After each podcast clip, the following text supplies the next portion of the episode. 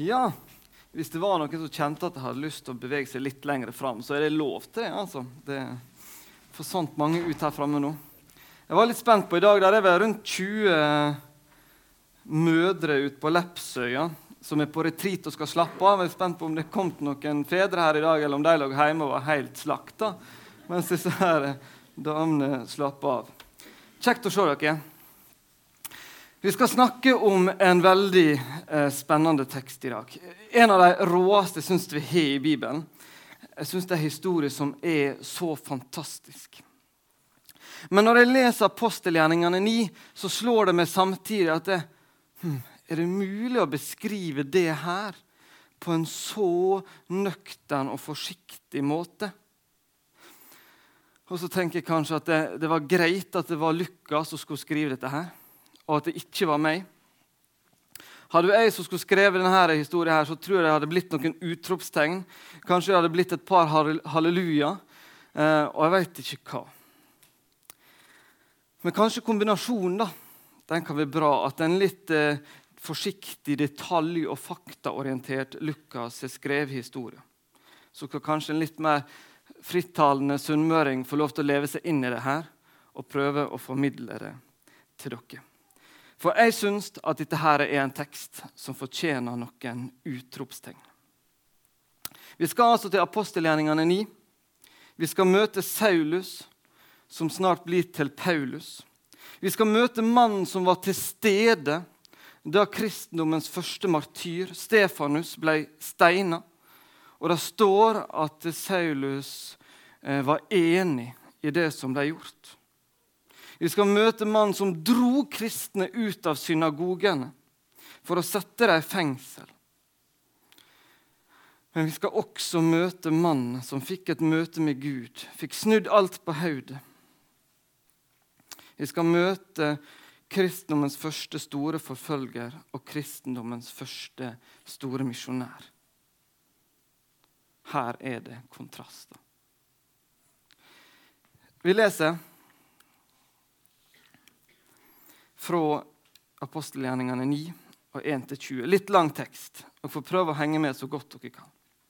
Saulus raste fremdeles mot Herrens disipler og truet dem på livet. Han gikk til øverstepresten og ba om brev til synagogene i Damaskus for å kunne finne dem som hørte til veien, både menn og kvinner, og føre dem i lenker til Jerusalem.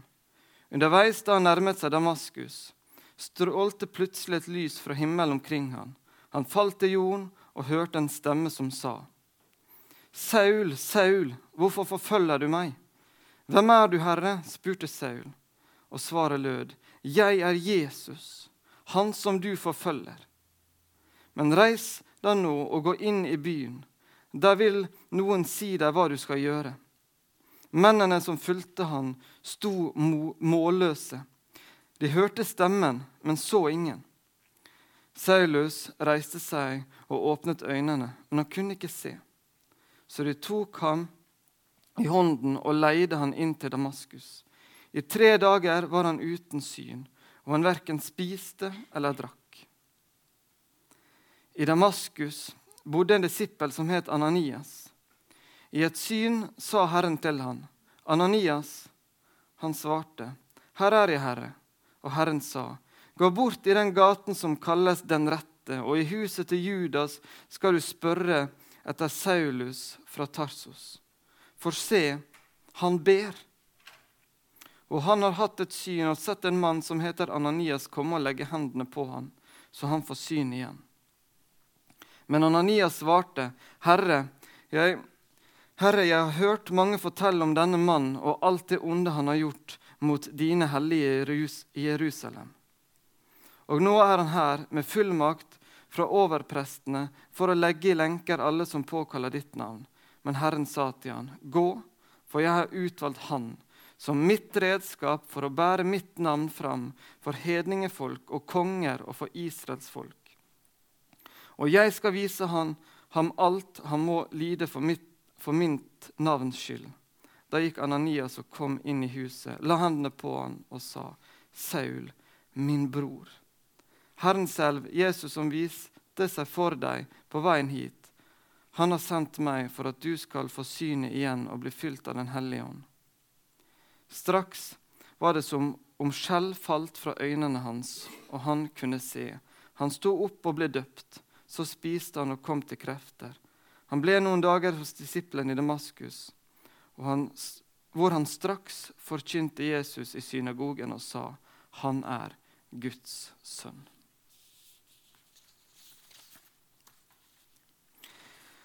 Jeg tror må vi, vi, må spole litt tilbake. Vi må se litt mer om bakgrunnen til denne Saulus. Hvem er han? Hvem var han? Eh, hva hadde forma han? Hva kan vi finne i historien hans som kan være av interesse?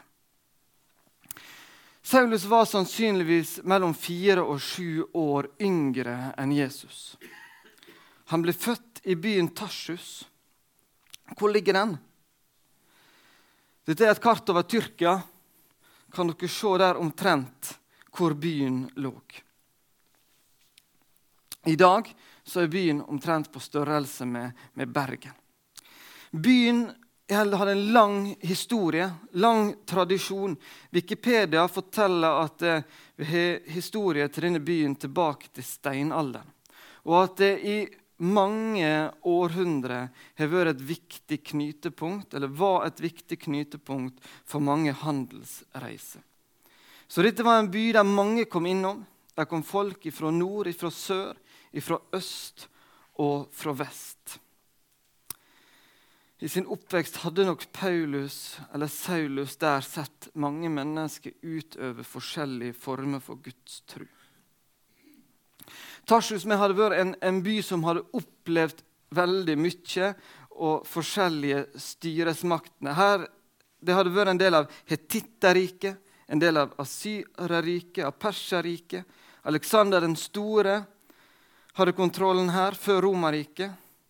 Eh, så det var mange som hadde hatt kontroll på denne byen. En by som hadde opplevd mye. Sjøl så kom Paulus fra en streng fariseisk familie. For han var jøde, men han var også romersk borger. Og han var av Benjamins stamme. I dag er det ganske vanlig å dra til utlandet for å studere. Hvor vanlig det var i år 20, eh, det vet ikke jeg. Men det jeg vet at Jerusalem ble sett på som en usikker plass å være på denne tida. Det var en plass med mye opprør. Det var en av de mest voldelige plassene Romerriket hadde kontrollen på. Og det å sende fra seg en ung sønn til Jerusalem for å studere var nok ikke lett. Men på denne tida så var det der de jødiske lederne var. Og Saulus han skulle få den beste utdanninga som var, og da var det dit han måtte. Så ganske ung så reiste altså Saulus til Jerusalem, og han ble sendt til Gamaliel. Saulus var en av de som satt med Gamaliel sine føtter og fikk undervisning. Ifølge jødiske skrifter som heter Mishna, så var Gamaliel den største læreren jødene har hatt. Så altså, Saulus fra Tarsus får reise til Jerusalem og få sette seg ned med føttene til den beste læreren de hadde. Gamaliel kan vi lese om i bl.a. apostelgjerningene 5, der vi ser at han spiller en viktig rolle for at ikke disiplene ble tatt livet av alle sammen. Så, så, vi snakker her en, av en av de større kapasitetene som jødene så. Altså. Han blir sendt til Jerusalem for å skulle få den beste undervisninga som var å få tak i. Saulus måtte ha vært en særdeles begava mann. Han sier om seg sjøl, skal vi lese tre, fra tre plasser i Bibelen. Først eh, fra apostelgjerningene 26. Mitt liv er kjent for alle jøder, for helt fra barndommen har jeg levd blant folket mitt og i Jerusalem. Derfor vet de også, hvis de bare vil vite om det, at jeg først levde som fariseer og hørte til den strengeste retningen i vår religion. Fra Galaterne 1,14.: Jeg gikk lenger i min jødedom enn mange jevnaldrende i mitt folk, og brant enda sterkere av iver for overleveringene fra fedrene. Og filipperne 3-4. Om andre mener de kan sette sin lit til det ytre, kan jeg det enda mer.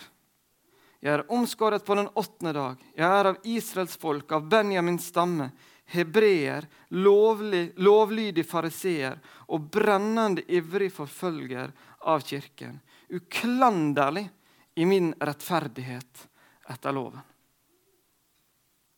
Du ser altså gang på gang her at dette var ikke noen smågutt. Det er en ganske drøy uttalelse han kommer med der i Filippa-brevet. Det var ikke uvanlig å være iherdig eh, i sin utøvelse av de fariseriske lovene. Men han mener han var foran. Han var bedre. Han levde mer riktig enn de andre. Det var en fremadstormende ung kar, det her. Kanskje lå han an til å bli den neste Gamaliel. Men så skjer det, altså. Han møter Jesus.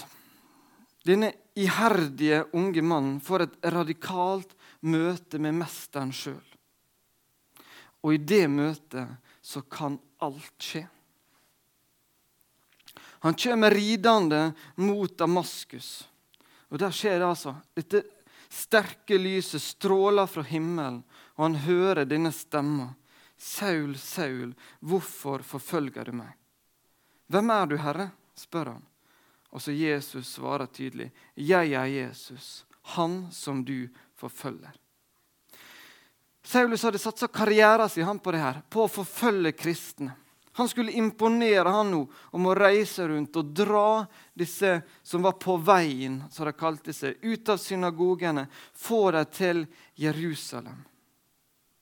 Samtidig så ser vi han var brennende eh, opptatt av å ta videre disse overleveringene fra fedrene. Israelsfolket var ekspert på år etter år, gjennom generasjoner, ta denne overleveringa akkurat helt nøyaktig videre. Sånn skulle det være.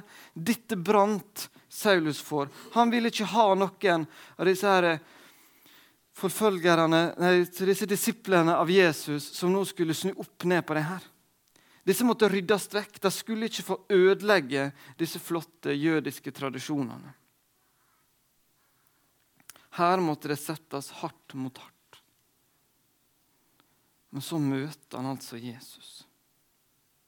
Han var villig før dette møtet med Jesus å ta livet av Jesus sine etterfølgere i sin nidkjærhet mot den jødiske arv. Men møtet med grunnleggeren av det han forfulgte, fikk han til å legge alt bort.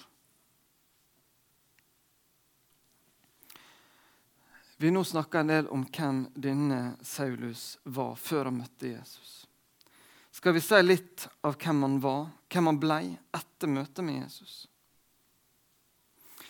Det står altså at det tok bare noen dager etter at han hadde født dette møtet med Jesus. Så går han til synagoga i Damaskus og forkynner Jesus.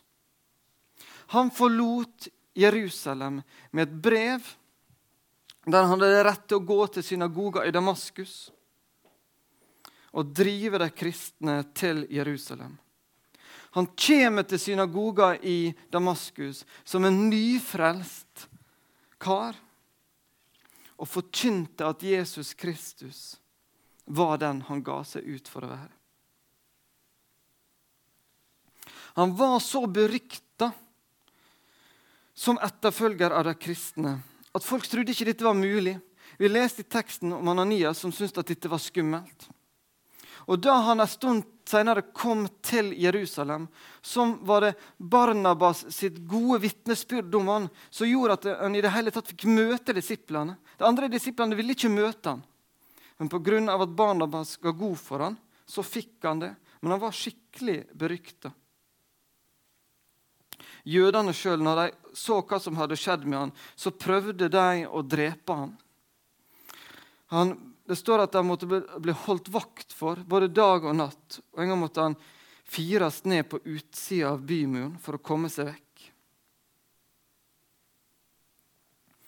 Han hadde en enorm kunnskap om det vi kaller Det gamle testamentet. Han fikk bli en kjemperessurs ressurs som lærer for jødene.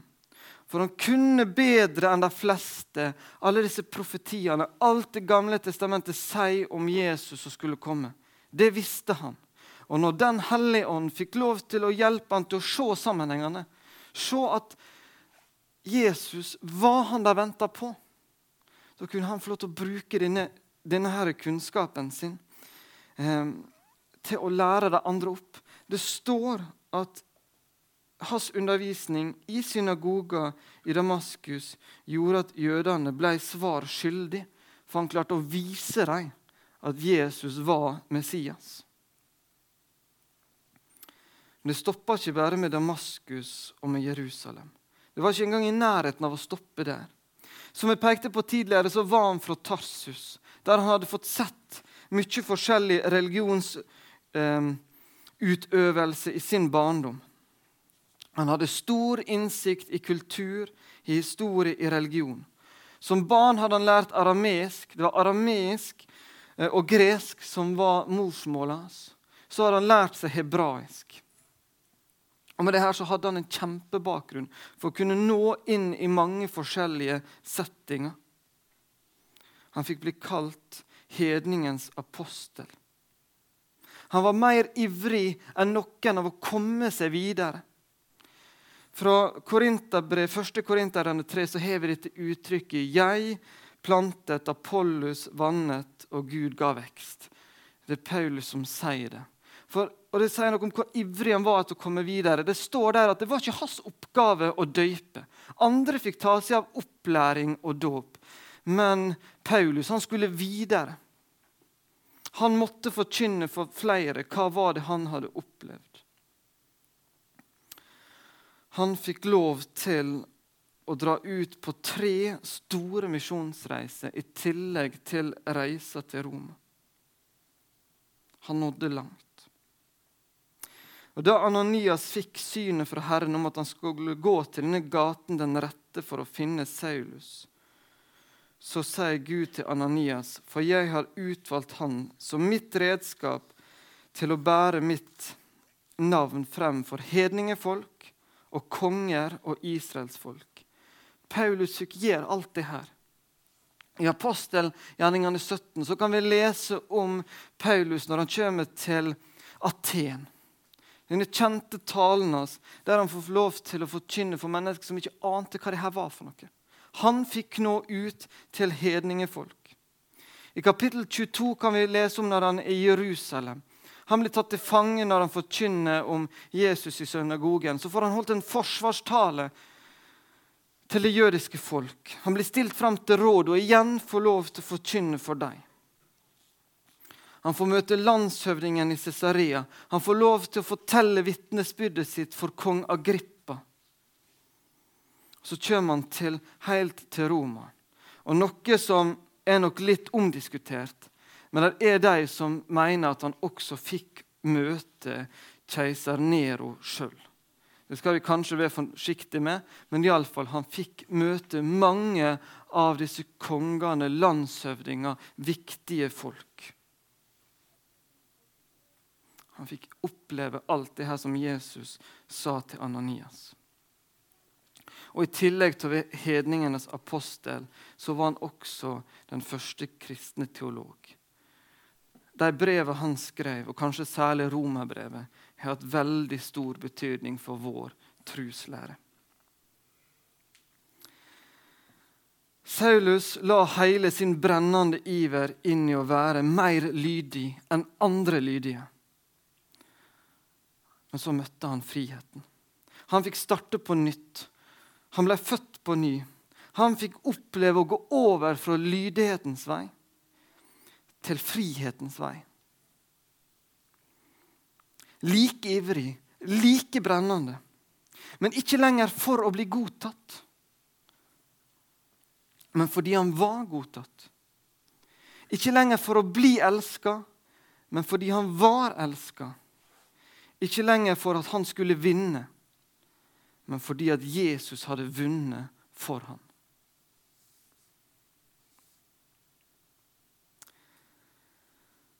Og så er det meg og deg, da. Hva kan denne historien om Paulus, eller Saulus som blir Paulus, hva kan de ha å si for oss? Hva kan de ha å si for vårt liv i dag? Hvilke konsekvenser kan dette få, og bør dette få, for våre liv? En av de tingene jeg tenker på umiddelbart, er at alt er mulig for Gud. Jeg kjenner så mange ganger at jeg kan ha en tendens til å liksom begrense Gud. I møte med mennesker, kanskje sambygdinger borti Solvågen, så kan jeg tenke å nei, han altså. Han lever for langt unna Gud.